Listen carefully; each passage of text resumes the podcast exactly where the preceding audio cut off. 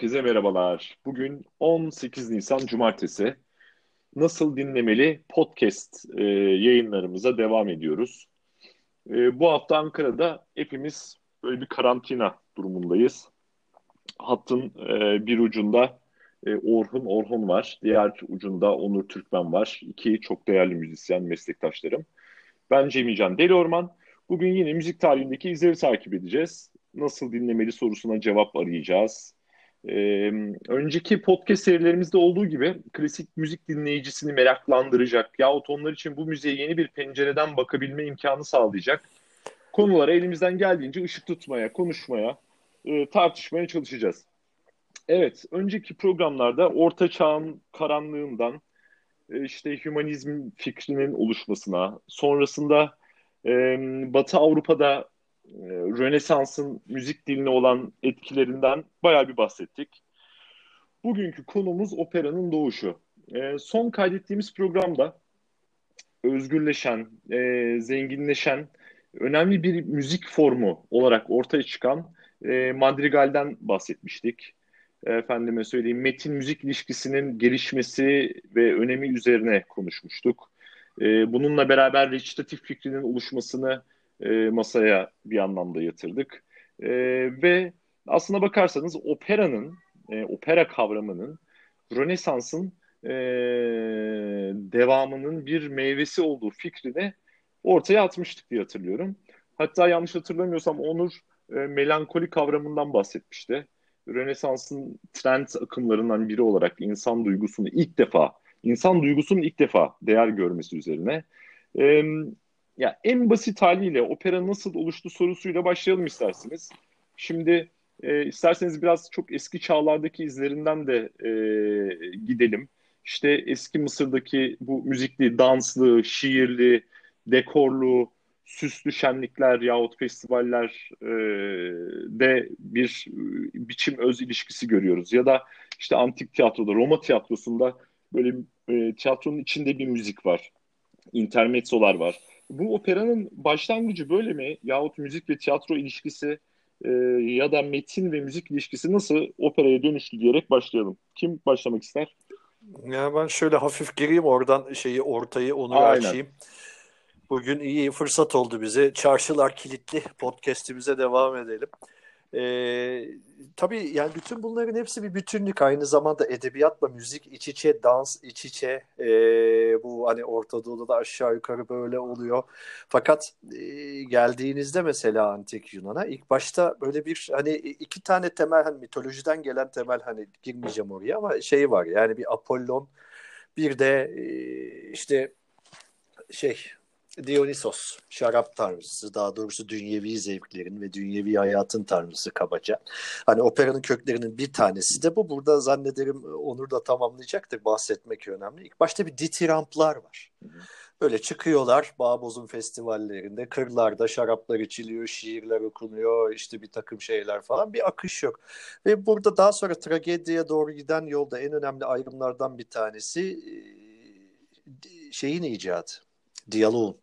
Yani sahnede biri bir şey söylerken karşısına birini koyuyorsunuz ve aralarında bir e, diyalog oluşmaya başlıyor. Yavaş yavaş işte felsefenin hani yazılış biçimine bakarsanız klasik Yunan'da bunu göreceksiniz izlerini falan.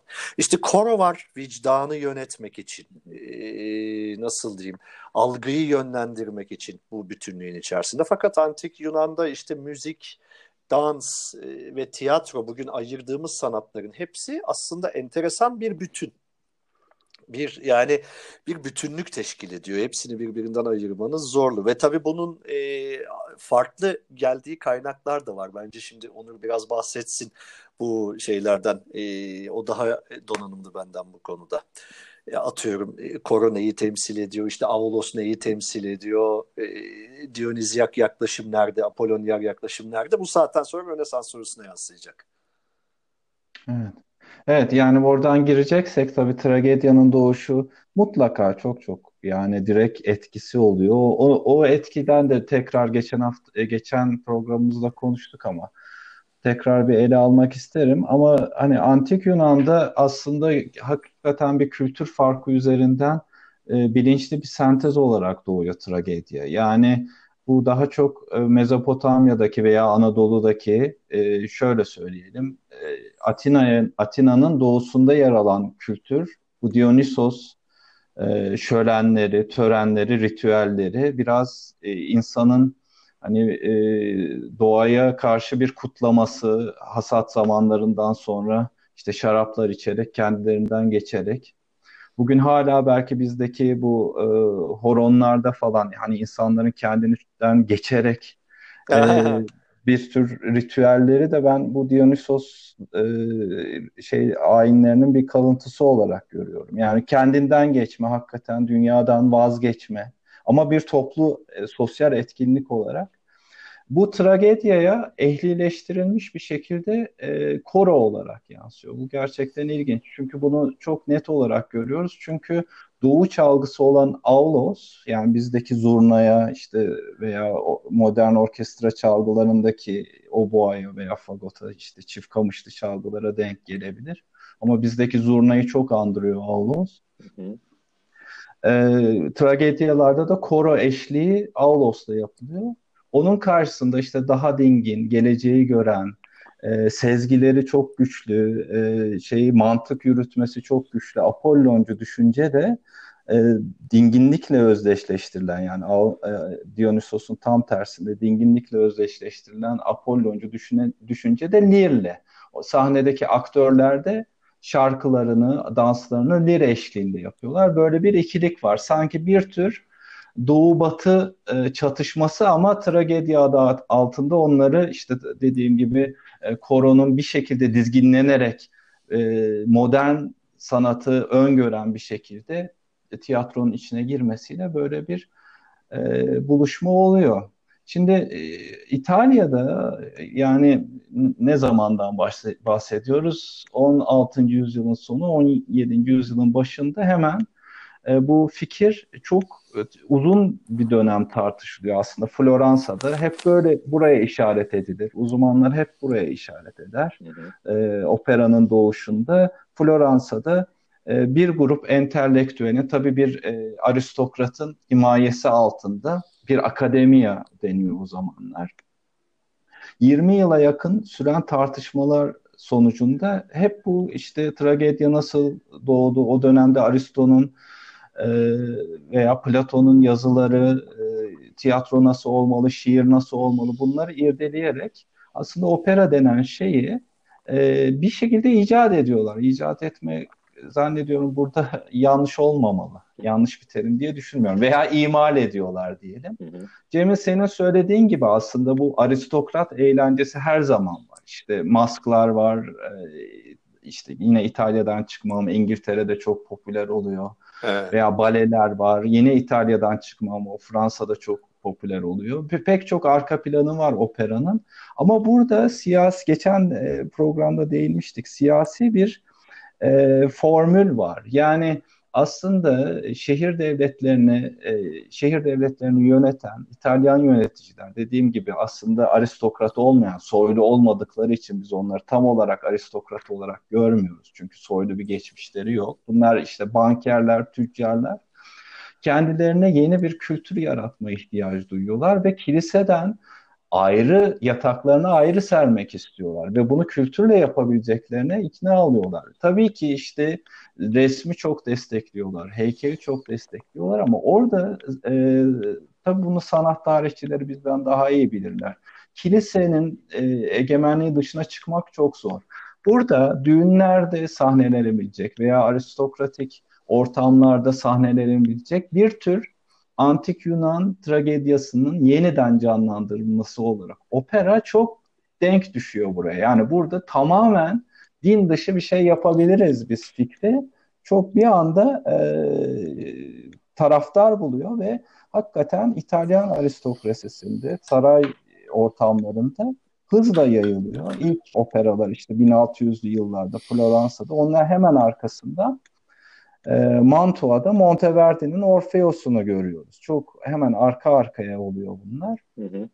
E, bunun özelliklerinden de bahsederiz isterseniz. Ben şimdilik böyle bir giriş yapmış Şimdi ben bir tane şey e, sormak istiyorum size. Katılır mısınız bu fikre? Mesela ilk antik Yunan'a baktığınızda mitolojiden Hani ilk başta mitoloji var. İşte ilk böyle İlyada, Odiseya, Homeros destanları falan filan. Arkasından bu Yunanlıların Pön Savaşlarından sonra Akdeniz'e yayılması, işte giderek kolonileri kurması bir gelişme var. Yine burada bir tüccar sınıfının gelişmesi söz konusu. Tabii bu şeyle kıyaslanmaz ama ondan sonra e, Rönesans'takiyle. Fakat burada da yavaş yavaş insanoğlu hani dünyanın nimetlerinden faydalanıp zenginleştikçe daha laikleşiyor sanki. Yani mitoloji bir tarafa konulmaya başlıyor. En azından tragediye geliyor fakat artık tanrılar yerine örnek alınacak figürler olarak e, tragedyanın doğduğunu görüyoruz falan. Sonra felsefe gelişiyor, bir şey oluyor. Benzeri Avrupa'da mesela Katolik kilisesine karşı özellikle yapılan hareketten sonra yeni bir kimlik benzer şekilde yani kendi özgüvenini kazanmış bireyin kendini ararken bulduğu özgüven içerisinde e, değerlendirilebilir mi? Yani benzer bir seküler yaklaşım ya da laik yaklaşım opera için, operanın doğuşu için söylenilebilir mi? Ne düşünürsünüz? Vallahi ben Onur'dan Vallahi... önce söyleyeyim istersen çünkü o daha detaylı anlatacaktır. Ee, şimdi dedi ya hani düğünlerde e, farklı farklı sanat dallarının e, sergilenmesi e, ve burada bu farklı e, dalların ortaya çıkmasıyla ilgili yani bu bir anlamda senin bahsettiğin e, laik ve, ve dünyevi anlayışı temsil ettiğini düşünüyorum. E, ama bir anda yani orta çağı es geçersek eğer e, yine antik yani eski çağın keşfi anlamında e, aslına bakarsan bir anda yani orta çağ e, sadece herhalde din konusunda dini müzik olarak e, ve dini müzik teknikleri olarak operaya bağlanıyor diye düşünüyorum. Ama felsefik olarak e, hala antik Yunan'dayız, Roma'dayız, e, buralardayız diye düşünüyorum. Tabii tabii onu söylüyorum. Yani hani bir kimlik oturtma var. Yavaş yavaş hani Katolik dünyanın dışındaki kul olan insan aslında bu hayat geçerli değil. Sen ne kadar acı çekersen işte İsa gelip seni o kadar kurtaracak bu dünyadan vazgeç, tövbe et tavrına karşı. Şimdi daha dünyevi bir şey görüyoruz. Tabii bu Madrigal'de de başladı. O yüzden hani Onur'un Madrigal'in devam olarak görmesi bence çok çok akılcı bir şey. Fakat işte bu, bu paralellikten bahsedebilir miyiz Onur sen ne dersin? Ya bence evet yani tabii biraz bu biraz bence bu bizim boyumuzu aşar ama bence bahsedebiliriz. Yani şöyle e, gerçekten de yani antik dönem e, antik Yunan'ı da dönemlere ayırdığımızda bu tragedyanın doğuşu hatta felsefenin doğuşu da şey bu klasik döneme denk geliyor. Klasik dönem nasıl başlıyor? Yunanlılar bağımsızlıklarını kaz kazanıyorlar. Pers işgalinden kurtuluyorlar. Hı hı. Ve o gerçekten bir e, senin dediğin gibi Rönesans'a benzer bir çok verimli bir çağa doğru giriyor. Yani demokrasi işte tabii ki bugün bizim anladığımız şekliyle değil ama bir demokrasi fikri ortaya çıkıyor. Ama e, şeye benzetmesi bana da e, şey gelmiyor, yanlış gelmiyor. Yani eskiden evreni, doğanın kanunlarını daha çok mitolojiyle açıklamaya çalışırken yani aslında bir ortak bilinçaltı, sembolist bir ortak bilinçaltıyla açıklamaya çalışırken şimdi o bilinçaltının e, önerdiklerini sorgulamaya başlayan tragedya, onu sorgulamaya başlayan, sorular soran ve cevap arayan e, felsefe e, felsefe çizgisi işte Sokrates, Platon, Aristo ortaya çıkıyor. Tabii benziyor ama Avrupa'daki biraz daha ateşli çünkü aslında e, Avrupa'da çok e, insanlık tarihinde hiç görülmemiş kadar hızlı bir süreç başlıyor. O da nedir? Kapitalizm Doğru. denilen bir şey gündeme geliyor. Yani çok kabaca söyleyecek olursak İpek yolu devre dışı kalıyor. Ee, Avrupa donanmaları özellikle işte İspanyol deniz e, ticareti değil mi? Deniz ticareti İngiltere, Hollanda, Portekiz, İspanya, Fransa bunlar ümit burnunu do- dön- dönük döndükleri anda aslında yeni bir dünyaya girmiş oluyoruz. Doğru. Yani yeni bir düzen kuruluyor artık İpek yoluna e, fetihlerle sahip olan eski düzen, eski imparatorluk düzeni yıkılıyor. Dolayısıyla aslında Avrupa'daki aristokrasi de inişe doğru gelmeye Tabii. başlıyor. Yeni bir yani orada evet çok çok çok dinamik bir tarih başlıyor. O yüzden opera bunun kesinlikle ciddi bir göstergesi. Dediğim gibi diğer sanat dallarında e, şeyin dışına çıkmaları, kilisenin e, ne diyelim himayesinin ve hegemonyasının ve etkisinin dışına çıkmaları çok zor. Böyle yeni bir fikir e, aslında nefes aldırıyor onlara ve geçen programda biraz değinmiştik. Yani opera çok enteresan. E, şu açıdan çok enteresan. E, direkt olarak aslında hmm, en çok tartışılan fikir şu. Polifoniden kurtulalım. Çok seslilikten kurtulalım. Kilise stilinden yani. Çünkü Evet çünkü kilis, e, polifoni çok sesledik. O dönem e, aydınları, entelektüelleri için kilise müziğini te, e, temsil ediyor. Bundan kurtulalım ve bunun şey için bir bahane olarak görüyorlar. Yani şu şu amaç doğrultusunda deniyor ki antik Yunan'da tiyatro ve müzik iç içeydi ve bu insan duygularına direkt olarak dokunuyordu. Polifoni böyle bir etki yapamıyor. Polifoni tiyatral stili ortaya koyamıyor. E, stile representativo dedikleri o dönemde işte tiyatral bir stil var. Resitatif de buradan doğuyor. Konuşur gibi veya tiyatro gibi müzik. Bunu e, polifoniyle yapmamız mümkün değil ve bu yanlış yol deniyor. Yani çok zekice veya kurnazca mı diyelim ama zekice e, din e, devre dışı bırakılıyor aslında. Çok enteresan bir proje. E, çok çok çok pragmatik bir buluştu recitatifin icadı o sırada. Çok. Yani sayfalarca tragediyi nasıl anlatacaksın recitatif olmadan? Velhasılı işte İtalya'ya yayılıyor falan filan ondan sonra çeşitli okullarda. Bir de şey konusunda demiştik ki hani Madrigal'le beraber artık yavaş yavaş bir ortaya çıkan bu sınıfta kadın erkek ilişkileri beraber Madrigal söylemeler falan filan. E bu mesela şimdi bu kadının sahnede rol almasını nasıl değerlendiriyorsunuz? Hani belli atıyorum Roma'da bu hiç olmayacak neredeyse. Ya bu çok zor bir konu. Ee, aslında şimdi opera e, Floransa ve çevresinin hemen arkasından Roma'da ciddi bir e, geniş kitlelere hitap etmeye başlıyor. Orada dinin de etkisiyle yani e, bir papa e, dediğim bölgelerin dışında ilk kez e, operaya ciddi bir yatırım yapıyor. Orada yok tabii kadını dediğin gibi Roma'da görmüyoruz ama kadının yerine işte bu kastrat var, meselesi. Evet.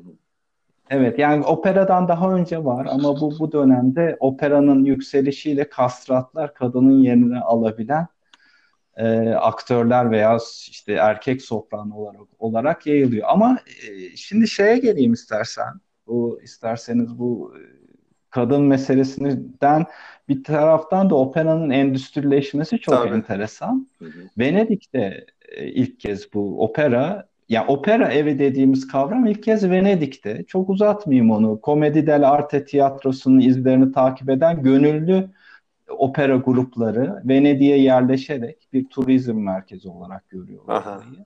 Hem de festival var. Karnaval sırasında operalarını sergileyebilirler diye. Orada ilk kez e, opera belki de Avrupa tarihinde bilet satan hani konser konusuna değinmiştik ya ilk pro, ilk programımızda. Aha. Aha. Aslında çalgısal müzikten önce opera endüstrileşiyor ve bilet satarak e, hayatta kalan bir müzik türü oluyor. Tabii Venedik'te. kampanyalar var. Bu bahsettiğin, Orada, bu bahsettiğin Monteverdi'den ve Peri'den sonraki dönem mi? Bilet evet. Satılması? Sonraki dönem. Evet. evet aha. Yani Monteverdi yine o tam bu dönemde 1850'lerde 1600, 1600 e, şeyde özür pardon 1600'lerin ortasında Monteverdi de e, Venedik'te çalışıyordu. Ama onun yaptığı opera tam olarak buraya ait değil. Bu Venedik stiline ait değil. Onu o ayrıntıya girmeyelim. Hı hı. E, ama e, bu şeylerde işte özel e, tiyatro evlerinde kadınlar tabii çok ön planda. Soprano. Çünkü bilet satmak zorundasınız. Yıldız şarkıcıya ihtiyacınız var. Belkant Evet, Belcanto stili or- orada ortaya çıkıyor. Kastrat da var ama sopranolar da var. Önemli yıldızlar gündeme tabii. geliyor. Böylece e, opera endüstrileşmiş oluyor. Ama tabii kastrat meselesi çok enteresan. Dönemin rock yıldızları. Çünkü e, onların yani bu şeyden dolayı e, yapılan operasyondan dolayı vücutları da biraz Doğru. anormal. Göğüsleri çok büyük ve kadın sesi çıkartan kocaman adamlar sahnede gösterişli vücutlarıyla. Hı hı. Ee, yani orada şuna değinmek istiyorum. Lafı çok uzatmayayım. Bir iki cümle e, söyleyip size bırakayım. İlk operalar aslında e, antik Yunan etkisiyle ve çok hani kapalı aristokratik ortamlarda sahnelendiği için çok derin felsefi sorular sorabilen operalar. Yani Floransa operaları. Evet, doğru. Ve e, mesela Monteverdi'nin Orfeus'una baktığımız zaman e, hani insan insana dair ve insan doğasına dair sert sorular yapan, soran ve sert yorumlar yapan, insanın kötü olduğunu, zayıf olduğunu söyleyen. Hı. Böyle hani neredeyse 20. 19. yüzyıl, 20. yüzyıl gerçekçiliğine yakın bakış açıları taşıyan e, derin eserler. Tabii bu Venedik'te böyle olmuyor ve aslında barok opera Venedik'te evrilmeye başlıyor. Başlıyor. Hani ben demiştim ya Rönesans'ın Aha. devamıdır diye. İşte Venedik'ten itibaren barok başlıyor. Neden bunu söylüyorum? Çünkü plastik bir dünya. Herkesin e, kahraman gibi olduğu, çok değerlere sahip olan, e, böyle işte monumental, anıtsal karakterlerin olduğu e, barok operası yavaş yavaş Venedik'te evriliyor. Bunun nereden lafı buraya getiriyorum? Çünkü kastratlar işte bu plastik dünyanın yani gerçekçilikten uzak masal dünyanın içinde kadın rolünü erkeğin oynaması uygun düşüyor. Kimse Doğru. yadırgamıyor bunu. Zaten e, yani son cümlem de şöyle olsun. 18. yüzyılın başında komik opera çıktığı zaman belli bir gerçekçiliğe dayanıyor. Daha halka dair tipler ortaya çıkmaya başlıyor. Orada kastratlar asla kullanılmıyor. Çünkü orada bir tür gerçekçilik var. Kastratların o gerçekçiliğe dayanan, plastik olmayan dünyada Tabii. yeri yok. Evet. Peki Onu da bir şey söyleyeceğim. Isterim. Şimdi e, hazır Orfeo demişken e, eğer Or, Or, e, Orfeo'yu e, opera tarihindeki bir kırılma noktası, bir başlangıç noktası, bir milat olarak kabul ediyorsak eğer biraz da Monteverdi ile evet biraz Monteverdi'nin isterseniz e, operanın Monteverdi ve operanın genişlemesinden de bahsedelim. Hem konular açısından hem orkestrasyon açısından. Çünkü hani öteki sanat dallarında uygulama açısından en geniş ve mekana ihtiyaç e, duyan bir alan opera. Bir de böyle bir durumu var.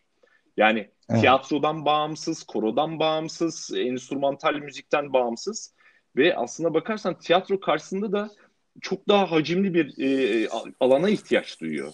E, ve e, bu zamanda opera başka sanat e, sanatlarda başka sanat dallarının da e, kendi bünyesine katılmasına olanak sağlıyor değil mi? Mesela işte Tabii. hareket, e, ara, araç, gereç çoğaldıkça e, sahne üstündeki müzisyen topluluğu da artıyor. Bu çok önemli bir şey. Enstrümanlar artıyor bu Monteverdi ile beraber. Efendime söyleyeyim bununla beraber seyirci sayısı artmaya başlıyor. Çok önemli. E, ve tabii ki bence can alıcı bir konu operada plastik sanatların gelişmesine mümkün kılan faktörler ortaya çıkmış oluyor. İşte kostüm, e, dekor, ne bileyim renk, e, dans, belki ışık. Ya o bütünsellik zannederim evet Hı. yani operanın muhteviyatında da var. Düşünsene şimdi psikolojik olarak.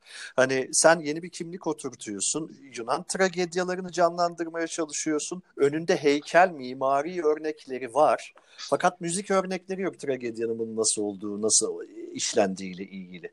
E, dolayısıyla bunu evet. sahneye koyduğun anda artık sinemanın icadı gibi bir şey. Eğer teşbihte hata olmazsa diyeyim hani biraz daha popüler ağızla söyleyecek olursa.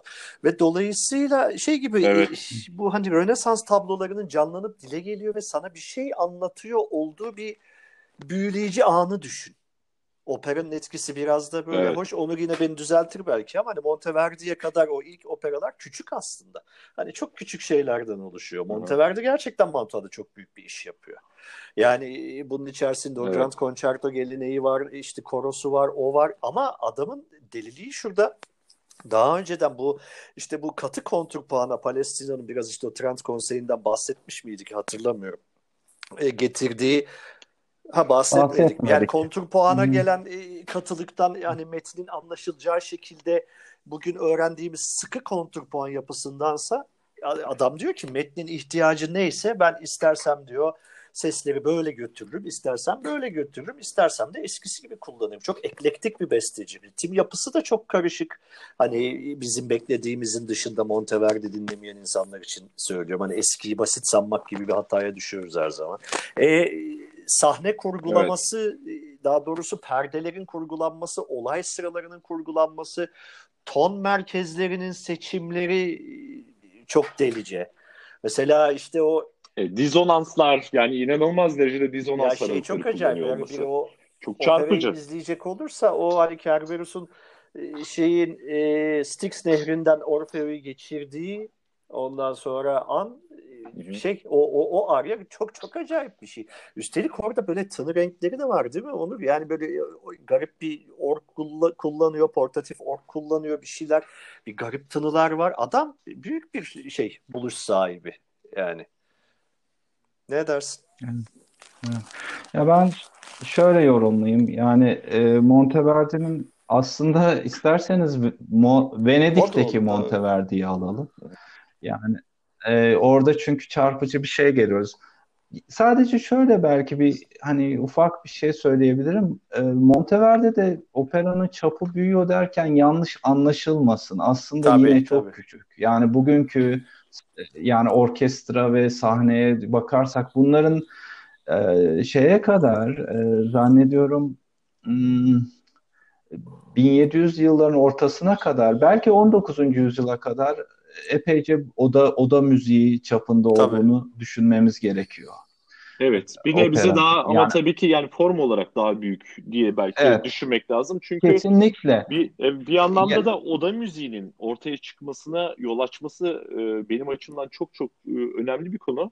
Çünkü sadece hani dekorun artması, sahnenin büyümesi değil bahsettiğimiz. Aslına bakarsan işte Monteverdi öncesi Peri'nin düzenlediği orkestraya göre evet biraz daha geniş bir orkestra ama bu işte melodi hat, hatlarını mesela duble etmek üzere ya da sadece eşlik için kullanmıyor orkestrayı. Burası can alıcı bir nokta. İlk defa orkestra burada bir bağımsız forma ulaşıyor Monteverdi'de. İşte e, düşünsenize Peri'nin Orpheus'unda tek sesle başlayan prolog Monteverdi'nin Orpheus'unda üç kere tekrarlanan bir enstrümantal giriş ve bir tokatayla ortaya koyuyor. Yani bu bence yani oda müziğinde ve orkestral müziğinde büyük bir devrim. Yani sayı olarak büyümesinden ziyade form olarak zenginleşmesinden bahsediyorum. E bir de yine işte kısa kısa enstrümantal dans parçaları var e, Orfeon'un içinde. İşte simfoniye dediğimiz. Evet. Ve e, yaylı sazlar, nefesli çalgılar bakımından da önemli zenginliğe sahip. İşte ses dolgunluğu diyelim, tınlama özelliği diyelim daha doyurucu bir e, noktaya geliyor e, diye düşünüyorum. Evet yani ben şöyle yorumlayayım. E, Monteverdi zannediyorum bir denge unsuru olarak ortaya çıkıyor. Çünkü e, daha öncekiler Peri, Caccini gibi besteciler hı hı. dediğim gibi çok radikal bir yerden geliyorlar. Hani hiç polifoni olmasın, tek seslilik üzerine olsun, monodi diye. Tek seslilik de tabii bizim evet. Türk, Türk müziği gibi değil. E, aslında şöyle bir e, sessiz bir devrim oluyor. E, tek ses ve e, bassa continuo yani akorsal eşlik ama çok sade bir eşlik üzerine tek ses çok özgürleşiyor ve e, Rönesans'ın çok e, ne diyelim bir yerde kısır ritmik yapısı, çok basit ritmik yapısı kırılıyor ve çok zengin ritmik yapılar. Baro'nun hemen başında yani 1600'lü yılların hemen başında çok zengin ritmik yapılar. O işte insanın özgürleşmesi, bir yerde sekülerleşmesi sanki o ruhun özgürleşmesinin bir yansıması gibi çok e, süslü vokal ezgileri gündeme gelmeye başlıyor. Evet. Bu gerçekten önemli bir devrim. Ama Monteverdi bunu şöyle dengeliyor. Monteverdi sonuçta e, Rönesans bestecisi, bir madrigal bestecisi. Koro bölümlerinde hı ciddi yani kendi bildiği stili kullanıyor ve polifoni kullanıyor. Dolayısıyla sizin dediğiniz gibi aslında e, operayı biraz daha ne diyelim bir dengeye oturtmuş oluyor. Ne çok radikal monodiden alıp onu polifonin de polifoninin de olabileceği Tabii bir birleşik bir alanlar teorisi oluyor. gibi aslında. Çalgı yani, açısından tamamen artık ifade ve imkan peşinde. Evet, çalgı açısından şöyle bir şey var. E, bu döneme kadar e, idiomatik dediğimiz e, yani çalgıya özgü yazı çok az var. Hemen hemen hiç yok. Yani ayrıca çalgısal türler doğmaya başlıyor ama sözlü müzik e, eşliğinde çalgının ne yapacağı net yazılmıyor veya keman eşlik edileceği yazılmıyor partisyona. Evet. Aslında Monteverdi'nin Orfeus'unda da yazılmıyor. Bazı yerlerde Monteverdi not düşüyor ama bu dediğin gibi Cemil haklısın yani önemli bir aşama. Bazı yerde diyor ki burayı ork eşlik etsin. Buraya evet. cembalo eşlik etsin. Evet. diye partisyonun üstüne yazmış. Yani o tını rengini düşünmeye başlamış ve idiomatik düşüncenin yolunu açmış gerçekten. Bu ciddi bir aşama. O açıdan ben de katılıyorum. Yani Monteverdi'nin ciddi bir etkisi var. Venedik'te e, ki durum çok enteresan. Çünkü bir taraftan işte e, opera endüstriye dönüşürken Monteverdi tabii maaşlı bir işi var onun. E, çok fazla bu tip yeni operaya e, mail etmek zorunda değil. Fakat e, Akademi Incogniti diye bir yani bilinmezler akademisi diye bir akademiye üye. Ve bunlar e, nihilistler. Çok tabii nihilizm 19. yüzyılda çıkmış bir kavram bu adamlar o dönemde her şeye karşılar. Dine karşılar, her türlü otoriteye karşılar, e, insanın kötü olduğunu düşünüyorlar. Bütün siyasi yapıların işe yaramayacağını düşünüyorlar. Ve orada bu arada korona yani e, taç giyme şeyin e, siz söyleyin Popea'nın taç giymesi diye bir operası var mesela. Burada tamamen e, entrikalar üzerine işte e, Nero'nun e, ne diyelim metresi sevgilisi yani Nero evlilik bir kraliçe var, kral. Kraliçe var ama bir e, evlilik dışı ilişkisi var Popea. Popea'nın e, işte türlü e, şeylerle şeytani e, işte Bizans Aha. oyunlarıyla mı diyelim e, alavere dalavere ile işte ona şantaj yapıp bunu öldürtüp falan sonunda taç giymesi var. e, Coronation of Popea İngilizcesi yani. ya o korona orada da varmış yani. Her zaman başa bela. Şimdi burada ben şuraya gelmek istiyorum. Belki bilmiyorum bu şeyde süremiz yetecek mi ama opera Bence özünün... direkt Wagner'e bağla. Arayı tamamen git Wagner'e bağla. Wagner'e bir dakika. Peki ya, şöyle bağlıyorum. Gerçi şey yani şöyle aslında evet Wagner'e bağlanıyor. Opera iki, iki kanalda ilerliyor. Yani aristokrati, aristokrasi veya saray veya devlet desteği olduğu zaman drama güçlü e, yani aslında dramatik bir eser, bir yapıda ilerliyor. Yani dramanın güçlü olduğu bir yapıda ilerliyor. Endüstri olduğu zaman e, işte yıldız şarkıcılara, Arya'nın üstünlüğüne Varyeteye dönüyor. Böyle iki yol var. Dolayısıyla İtalyan opera opera evleri, ha. işte La Scala'dan başlayarak. Bir, bir bu kanal var. İnsanlar güzel ses dinlemeye gidiyorlar. Ama Monteverdi işte ilk önce aristokrasi sarayda bu işi yapıyor. Ondan sonra bir akademinin yine aristokrasinin desteğinde yapıyor. E, Wagner'e geldiğimiz zaman yani Bayrut e, Opera Evi'nin kurulması yine büyük bir devlet projesi olarak geliyor ve aslında Wagner'e şöyle gelelim. E, Wagner'in bütün ideolojisi e, yani Yahudi karşıtlığı da aslında şuraya dayanıyor. E, sanat endüstrisi Yahudilerin elinde ve bu hmm. büyük bir yozlaşmaya yol açıyor diyor ve İtalyan operasını işaret ediyor işte Aryaların merkezde olduğu. Drama çok önemli değil. Evet. Güzel ses, bel canto önemli. Diyor ki bu ben bunu yapmayacağım. Hatta kendisi opera bile demiyor. Yaptığı şeye drama diyor. Ben diyor tekrar antik Yunan'daki dramayı geri getireceğim. Ama bunu nasıl yapabiliyor? Evet. Ee, kendi ideallerini, o kendi ideallerine uygun opera evi ancak büyük bir devlet desteğiyle yapılabilir. Desteğiyle. Çok, bu çok e, önemli. Bugüne de ışık tutuyor. Aslında bugünkü yeni müzik projelerinin de belki ilk örneklerinden birini Wagner'de görebiliriz. Yani o dönemin bütün avantgard bestecileri liste dahil olmak üzere hı hı. aslında devlet desteğiyle yaşıyorlar. Orada bir paradoks var. E, şey değiller. E, e, serbest çalışan değiller. Wagner de öyle. E, yani e, Bayreuth gibi büyük bir e, şey, proje.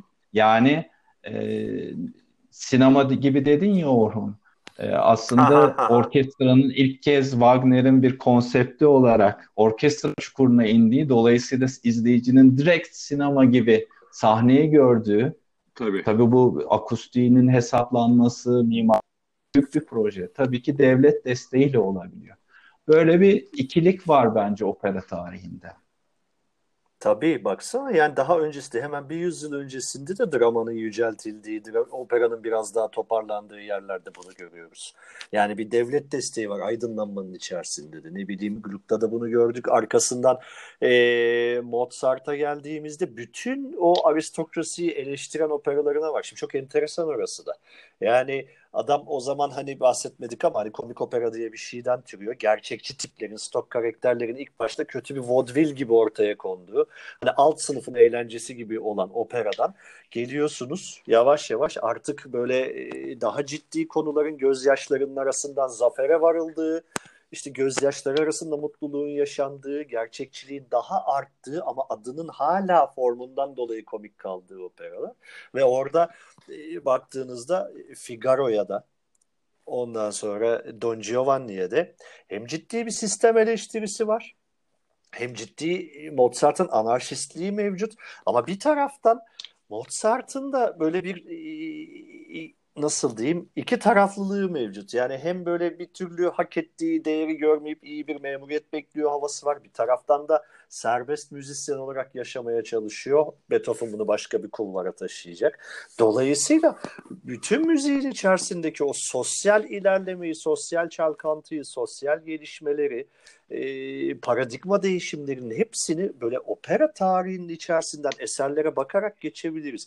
Büyük şanssızlık bizde sadece opera bir tür hani böyle dışarıdan eğlence veya işte opera kültürünün sadece konuları bilmek olduğu üzerine bir şey var. Evet, evet. Varsayım var. Ya daha doğrusu böyle işte hani çok fazla üzerine düşünülmemiş Hollywood prodüksiyonları ismini bildik onu izledik ama hani içerik ne oluyor bilmedik gibi. Fakat bütün Batı tarihinin bütün çalkantılarını operaya baktığınızda arka arkaya görebilirsiniz. Bana sorarsanız e, salt enstrüman müziğinde böyle bir şey pek olası olmuyor. Evet. Evet ya o, şöyle bir şey önereceğim size. Yani aslına bakarsanız o kadar önemli bir değerli konular ki bizim bu şey, müzik e, tarihinin izinde giderek e, bu nasıl dinlemeli e, podcast'inin ilk sezonundan sonra e, bence spesifik olarak bu konuları ele almamız gerekiyor. Ö, özellikle söylediğin gibi opera endüstrisi e, o dönem nasıldı, şimdi nasıl ve Türkiye'de nasıl? Ve şimdi ne yapıyoruz sorularına çok ciddi cevaplar vermemiz gerekiyor ve bunu çok ayrı başlıklarda incelememiz gerekiyor. Evet. Tabii. Yani bana göre şimdi en azından biz bizi dinleyen insanlara zehri atıyoruz. E, tabii. Zaten ilerleyen zamanlardaki konu başlıklarımızda da hani hafif bir şey yapıyoruz. Evet. Ama sonra büyük ihtimal se- sezon 2'de sezon 2'de bunların, aynen evet, öyle. Bütün bunların hepsini toparlayacağız. En azından bir başka bir noktaya gelmiş olacağız diye. Kesinlikle öyle. Yani Ligeti, Ligeti neden Ligeti neden tüm opera evleri yıkılsın dedi. Efendime söyleyeyim Adorno niye operadan nefret etti bu kadar? Ee, annesi bak, bak, operacı bak, olmasına rağmen eyvah, eyvah. değil mi? Bunları inşallah çok ciddi bir başlıkla tekrar açacağız diye ümit ediyorum. Tabii tabii o tabii mutlaka alır. Yani Mozart'a zannediyorum bu e, bu ilk akışımızda ayrı bir yer ayırmıştık. Yani Mozart'ın o e, operalarının özellikle Figaro ve Don Giovanni'nin çok e, bir sert... sonraki podcast başında var galiba bu değil mi? Onu hatırlayan var var mı? Var Şimdi ha, şey yapma tamam. fazla. Çok iyi, çok iyi. Evet, evet. O fazla onu, spoiler onu, vermeyin. O çok daha önemli. aydınlanmaya falan gireceğiz. Tamam. Evet, onları ele alalım. Evet. Ee, Peki. Ama, tamamdır. O halde e, burada noktalayalım isterseniz. E, peki okay. yarınki şeyden bir reklam yapmak ister misiniz yarınki buluşmamızdan? Tabii. Yoksa gerek yapalım. var mı böyle bir şeye? Onur Türkmen büyüğümüz, yapın. büyüğümüz olarak sen söyle olur. Doğru ya ben sizin büyüğünüzüm hakikaten bak hiç evet. öyle düşünmemişim. Doğru evet. Ee, ne yapıyoruz yarın? Ya şöyle bir e, bize e, klasik keyif zamandır benim işbirliği içinde olduğum işte Orhun da geldi çalıştı. İnşallah Cemil sen de işbirliği içinde olursun. Bu zor günleri aşarız da. Yani çok benim evet. değer verdiğim bir top e, şey e, dernek. Alan Jewett ve eşi Hüsam Süleyman uzun süredir hani büyük emek veriyorlar Türkiye'deki özellikle oda müziğinin gelişmesi için ve klasik müzik e, şey klasik keyifler diye bir dernekleri var. Kapadokya'da festival yapmaya çalışıyorlar. Şimdi de bu zor evet. günlerde e, müzisyenler çok zor durumda olan müzisyenlere yardım edebilmek için e, böyle e, internetten e, etkinlikler dizisi başlatıyorlar. Bize de hani yapar mısınız dediler. Bu bizim bu podcast'i oraya Zoom üzerinden canlı yayın gibi taşımayı. Bir de konuk evet. önerdiler bize. Çok da değerli birisi tabii ki. Gürer Aykal yarın bizlerle olacak. Ee, böyle bir e, biz de o, o projeye yardım edebilmek için bir boy göstermiş olacağız herhalde. Ee, Kaçtaydı saat? E, saat 9.30 galiba. 9.30'da. Oo. Evet. Akşam yemeği soruz. Eyvallah. Evet. Yarın 9.30'da o halde tekrar görüşüyoruz. Tamam görüşüyoruz. Klasik keyifler Zoom yayında böylece dinleyiciler bizi görebilecekler. Çok görsel olarak zengin bir içerik onlara sunamayacağımızdan eminim ama. Umarım... Belli olmaz ya. Niye? O kadar umutsuz konuşma. Onurdan şüpheleniyorum. Evet. Yani Peki berberler kapalı ama bilmiyorum. Yine de çok şey. teşekkürler. Görüşmek üzere. Görüşmek üzere. Yarın görüşmek üzere. Bay bay. Bay bay.